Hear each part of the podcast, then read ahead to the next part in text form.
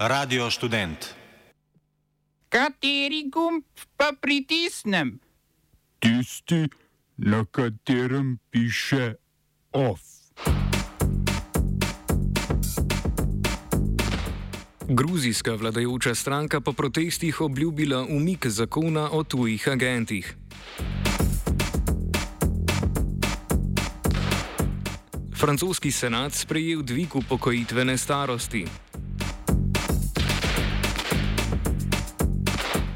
Zamik guvernerskih volitev v Nigeriji. Poklukar odredil notranjo revizijo izbir ponudnika za odstranjevanje ograje na južni meji.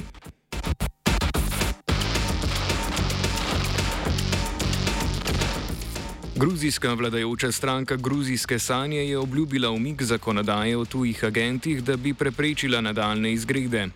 Proti dvema zakonoma so od ponedeljka pred parlamentom v Tbilisiju potekali protesti. Protestniki so tam tudi postavili barikade. Iz napovedi o umiku sprva ni bilo jasno, ali umikajo en zakon ali oba. V vladajoči stranki so na to pojasnili, da o zakonu o tujih agentih v parlamentu sploh ne bodo razpravljali. Zakon o transparentnosti tujega vpliva, ki ga je parlament v prvem branju že sprejel, pa bodo po zagotovilih vladajoče stranke v drugem branju zavrnili.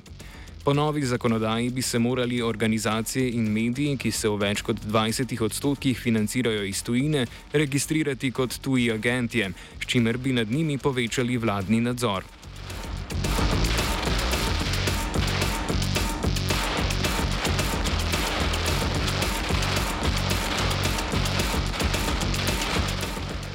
Francoski senat je izglasoval dvig upokojitvene starosti za dve leti, z 62 na 64 let.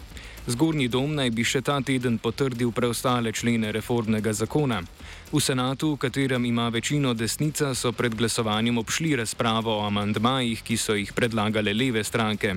V spodnjem domu parlamenta predtem razprave niso zaključili, zato je v senat šel predlog reforme, kakor jo je spisala vlada. V vsakem primeru mora reformo, preden bo veljavna, potrditi še parlament, v katerem pa koalicija predsednika Emanuela Makrona nima večine. Emanuel Macron skuša pokojninsko reformo izpeljati od nastopa svojega prvega mandata leta 2017, a so mu do zdaj ljudstvo in sindikati uspešno nasprotovali. Sindikati, ki stavke organizirajo od sredine januarja, bodo z njimi nadaljevali. Prav tako ne bodo končali s protesti. V torek je proti reformi protestiralo več kot milijon francozov.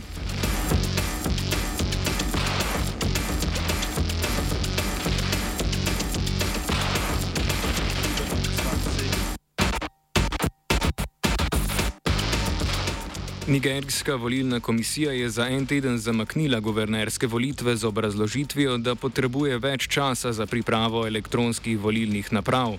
Volivci bodo guvernerjev 28 od 36 zvezdnih držav volili v soboto 18. marca. Zamiku je potreboval dolgotrajnejši proces shranjevanja in obdelave podatkov z naprav, ki so jih uporabili na predsedniških in parlamentarnih volitvah 25. februarja. Tip volilnih naprav, ki jih uporablja nigerijska volilna komisija, omogoča zaznavo prstnega odtisa oziroma obraza voljivca, s čimer ta izkaže svojo istovetnost pred glasovanjem.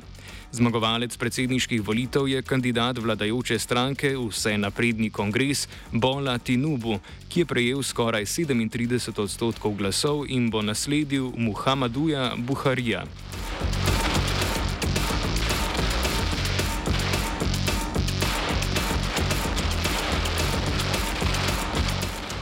Evropska banka za obnovo in razvoj je napovedala milijardo in pol evrov vredno investicijo za obnovo potresnih območij na jugovzhodu Turčije. Katastrofa je za evropejce poslovna priložnost. Banka bo tako v naslednjih dveh letih lokalnim bankam posodila 600 milijonov evrov. Ostala sredstva bo posodila podjetjem, predvsem v zasebnem sektorju, ki bodo sodelovala pri obnovi.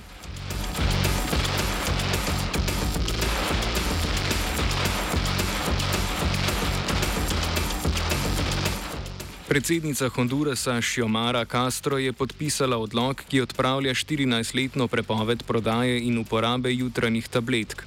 Leta 2019 so v Hondurasu prepovedali njihovo uporabo in prodajo. V Hondurasu je splav kazniv tudi v primeru posilstva in incesta, zanj pa je zagrožena kazen do šest let zapora. Po navedbah lokalnih nevladnih organizacij iz leta 2019 v 10 milijonskem Hondurasu ilegalni splav vsako letno opravi med 50 in 80 tisoč žensk.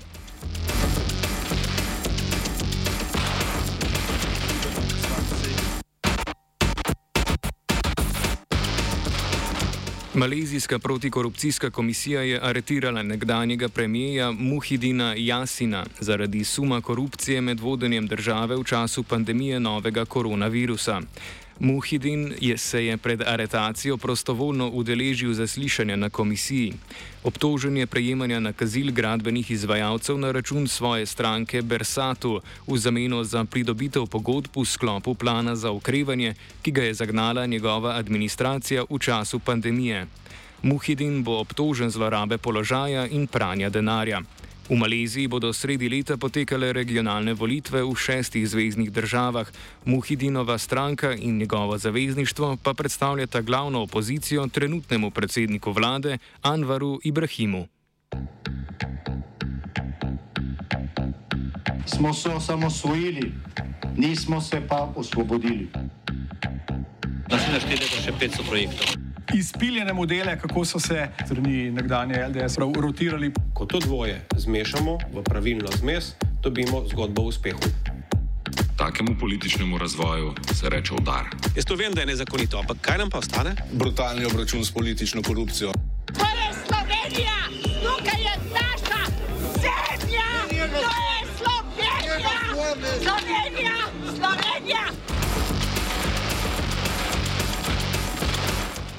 Notranji minister Boštjan Poklukar je odredil notranjo revizijo pravilnosti postopkov v povezavi z javnim naročilom za odstranitev ograje na južni meji s Hrvaško. Nujno sejo za nadzor javnih financ so sklicali na pobudo Nove Slovenije, ki sicer brez dokazov opozarja na sume netransparentnosti in korupcijskih tveganj pri izbiri podjetja Minis. To je žičnato ograjo med leta, letoma 2015 in 2018 tudi postavilo. Minis, omenjen posel s pravnomočno odločitvijo, je dobil 3. februarja, govori Poklukar. Rok za podpis te pogodbe še ni potekel. Uh, pogodba še ni podpisana strani mene kot ministra, tako da jaz uh, tukaj uh, zadeve še preučujem. Farmacevtska družba Lek, članica švicarskega Sandoza, je z vlado podpisala memorandum o soglasju za naložbo v visokotehnološki center za proizvodnjo bioloških zdravil v Lendavi. Naložba je vredna približno 380 milijonov evrov in naj bi ustvarjala okoli 300 novih delovnih mest. Pri njej bo sodelovala tudi država in sicer s prispevkom med 50 in 55 milijoni evrov. Po pričakovanjih Sandoza bodo lendavski obrat zagnali v treh do petih letih.